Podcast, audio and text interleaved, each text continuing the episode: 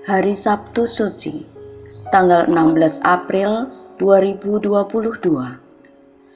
Bacaan pertama diambil dari kitab Kejadian, bab 1 ayat 1 sampai bab 2 ayat 2. Pada mulanya Allah menciptakan langit dan bumi. Bumi belum berbentuk dan kosong.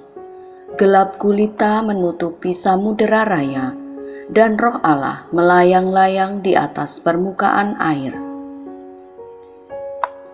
berfirmanlah Allah, "Jadilah terang." Lalu terang itu jadi. Allah melihat bahwa terang itu baik. Lalu dipisahkannyalah terang itu dari gelap. Dan Allah menamai terang itu siang, dan gelap itu malam. Jadilah petang dan jadilah pagi. Itulah hari pertama berfirmanlah Allah. Jadilah cakrawala di tengah segala air untuk memisahkan air dari air. Maka Allah menjadikan cakrawala dan ia memisahkan air yang di bawah cakrawala itu dari air yang ada di atasnya. Dan jadilah demikian. Lalu Allah menamai cakrawala itu langit. Jadilah petang dan jadilah pagi. Itulah hari kedua. Berfirmanlah Allah. Hendaklah segala air yang di bawah langit berkumpul pada satu tempat, sehingga kelihatan yang kering. Dan jadilah demikian Lalu Allah menamai yang kering itu darat, dan kumpulan air itu dinamainya laut. Allah melihat bahwa semuanya itu baik. Berfirmanlah Allah, "Hendaklah tanah menumbuhkan tunas-tunas muda, tumbuh-tumbuhan yang berbiji, segala jenis pohon buah-buahan yang menghasilkan buah yang berbiji." supaya ada tumbuh-tumbuhan di bumi. Dan jadilah demikian. Tanah itu menumbuhkan tunas-tunas muda, segala jenis tumbuh-tumbuhan yang berbiji, dan segala jenis pohon-pohonan yang menghasilkan buah yang berbiji. Allah melihat bahwa semuanya itu baik. Jadilah petang dan jadilah pagi, itulah hari ketiga. Berfirmanlah Allah, Jadilah benda-benda penerang pada cakrawala untuk memisahkan siang dan dari malam. Biarlah benda-benda penerang itu menjadi tanda yang menunjukkan masa-masa yang tetap, dan hari-hari, dan tahun-tahun, dan sebagai penerang pada cakrawala biarlah benda-benda itu menerangi bumi. Dan jadilah demikian. Maka Allah menjadikan kedua benda penerang yang besar itu, yakni yang lebih besar untuk menguasai siang dan yang lebih kecil untuk menguasai malam, dan menjadikan juga bintang-bintang. Allah menaruh semuanya itu di cakrawala untuk menerangi bumi, dan untuk menguasai siang dan malam, dan untuk memisahkan terang dari gelap. Allah melihat bahwa semuanya itu baik. Jadilah petang dan jadilah pagi, itulah hari keempat. Berfirmanlah Allah, Hendaklah dalam air berkeriapan makhluk yang hidup dan hendaklah burung beterbangan di atas bumi melintasi cakrawala. Maka Allah menciptakan binatang-binatang laut yang besar dan segala jenis makhluk hidup yang bergerak, yang berkeriapan dalam air, dan segala jenis burung yang bersayap. Allah melihat bahwa semuanya itu baik. Lalu Allah memberkati semuanya itu firman-Nya. Berkembang biaklah dan bertambah banyaklah serta penuhilah air dalam laut. Dan hendaklah burung-burung di bumi bertambah banyak. Jadilah petang dan jadilah pagi. Itulah hari kelima. Berfirmanlah Allah, hendaklah bumi mengeluarkan segala jenis makhluk yang hidup, ternak dan binatang melata, dan segala jenis binatang liar. Dan jadilah demikian. Allah menjadikan segala jenis binatang liar dan segala ter jenis ternak dan segala jenis binatang melata di muka bumi. Allah melihat bahwa semuanya itu baik berfirmanlah Allah.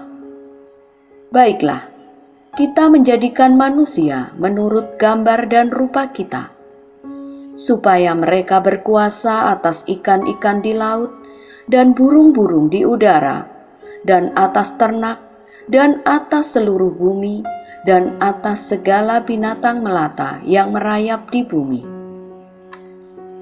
Maka Allah menciptakan manusia itu menurut gambarnya. Menurut gambar Allah diciptakannya dia. Laki-laki dan perempuan diciptakannya mereka. Allah memberkati mereka. Lalu Allah berfirman kepada mereka, "Beranak cuculah dan bertambah banyak. Penuhilah bumi dan taklukkanlah itu. Berkuasalah atas ikan-ikan di laut dan burung-burung di udara, dan atas segala binatang yang merayap di bumi. Berfirmanlah Allah, Lihatlah, aku memberikan kepadamu segala tumbuh-tumbuhan yang berbiji di seluruh bumi, dan segala pohon-pohonan yang buahnya berbiji. Itulah akan menjadi makananmu tetapi kepada segala binatang di bumi, dan segala burung di udara, dan segala yang merayap di bumi yang bernyawa. Kuberikan segala tumbuh-tumbuhan hijau menjadi makanannya. Dan jadilah demikian. Maka Allah melihat segala yang dijadikannya itu sungguh amat baik. Jadilah petang dan jadilah pagi itulah hari keenam. Demikianlah diselesaikan langit dan bumi dan segala isinya. Ketika Allah pada hari ketujuh telah menyelesaikan pekerjaan yang dibuatnya itu, berhentilah ia pada hari ketujuh dari segala pekerjaan yang telah dibuatnya itu. Demikianlah sabda Tuhan.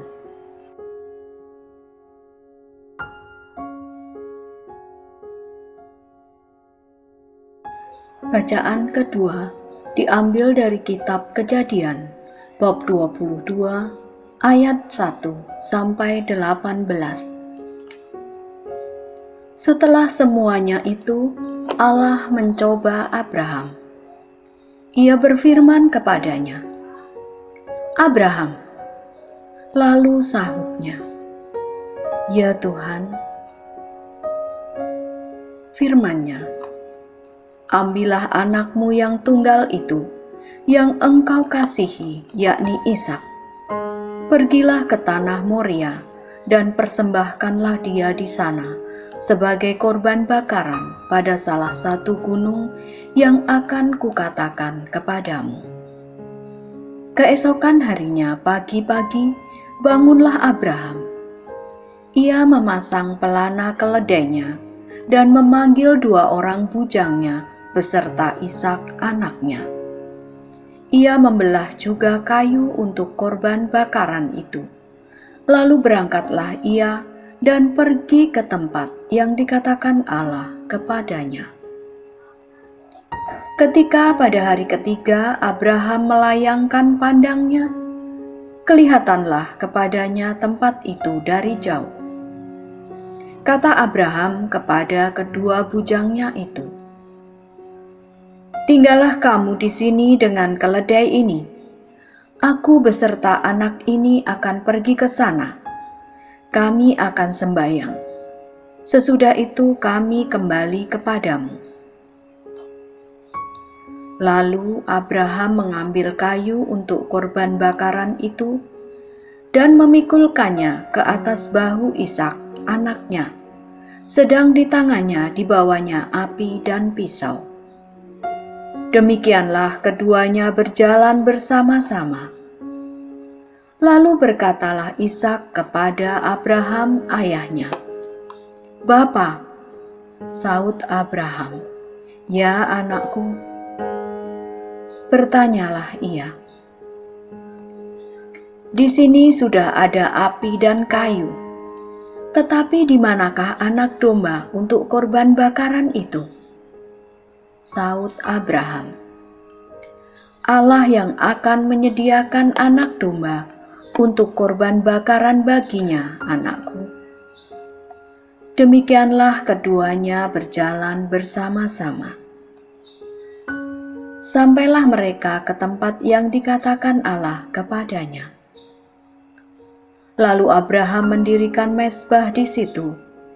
Disusunnyalah kayu, diikatnya Ishak anaknya itu, dan diletakkannya di mesbah itu di atas kayu api. Sesudah itu, Abraham mengulurkan tangannya, lalu mengambil pisau untuk menyembelih anaknya. Tetapi berserulah malaikat Tuhan dari langit kepadanya, Abraham, Abraham, sahutnya. Ya Tuhan. Lalu ia berfirman, Jangan bunuh anak itu dan jangan kau apa-apakan dia. Sebab telah ku ketahui sekarang bahwa engkau takut akan Allah dan engkau tidak segan-segan untuk menyerahkan anakmu yang tunggal kepadaku. Lalu Abraham menoleh dan melihat seekor domba jantan di belakangnya, yang tanduknya tersangkut dalam belukar. Abraham mengambil domba itu, lalu mengorbankannya sebagai korban bakaran pengganti anaknya. Dan Abraham menamai tempat itu Tuhan menyediakan. Sebab itu, sampai sekarang dikatakan orang, di atas gunung Tuhan akan disediakan. Untuk kedua kalinya berserulah malaikat Tuhan dari langit kepada Abraham. Katanya, Aku bersumpah demi diriku sendiri. Demikianlah firman Tuhan. Karena engkau telah berbuat demikian, dan engkau tidak segan-segan untuk menyerahkan anakmu yang tunggal kepadaku, maka aku akan memberkati engkau berlimpah-limpah dan membuat keturunanmu sangat banyak, seperti bintang di langit dan seperti pasir di tepi laut, dan keturunanmu itu akan menduduki kota-kota musuhnya oleh keturunan mulah semua bangsa di bumi akan mendapat berkat, karena engkau mendengarkan firmanku. Demikianlah sabda Tuhan.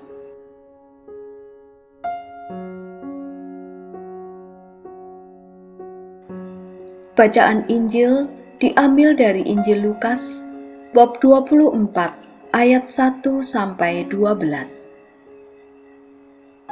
Tetapi pagi-pagi benar, pada hari pertama minggu itu, mereka pergi ke kubur membawa rempah-rempah yang telah disediakan mereka.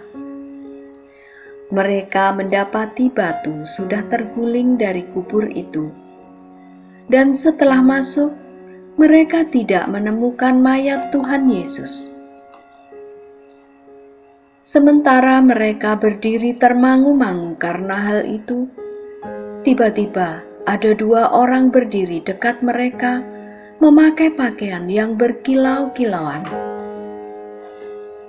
mereka sangat ketakutan dan menundukkan kepala.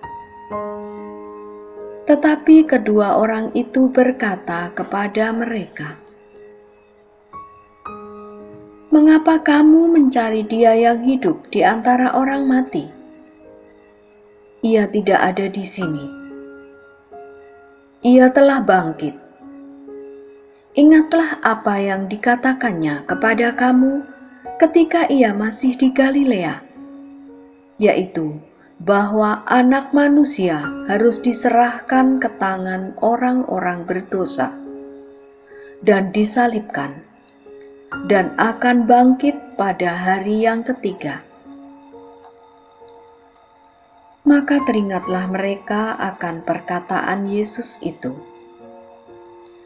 Dan setelah mereka kembali dari kubur, mereka menceritakan semuanya itu kepada kesebelas murid dan kepada semua saudara yang lain. Perempuan-perempuan itu ialah Maria dari Magdala, dan Yohana, dan Maria ibu Yakubus, dan perempuan-perempuan lain juga yang bersama-sama dengan mereka memberitahukannya kepada rasul-rasul. Tetapi bagi mereka, perkataan-perkataan itu seakan-akan omong kosong dan mereka tidak percaya kepada perempuan-perempuan itu. Sungguh pun demikian, Petrus bangun, lalu cepat-cepat pergi ke kubur itu. Ketika ia menjenguk ke dalam, ia melihat hanya kain kapan saja.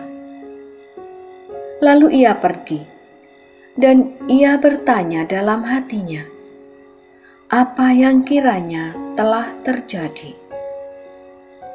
Demikianlah sabda Tuhan.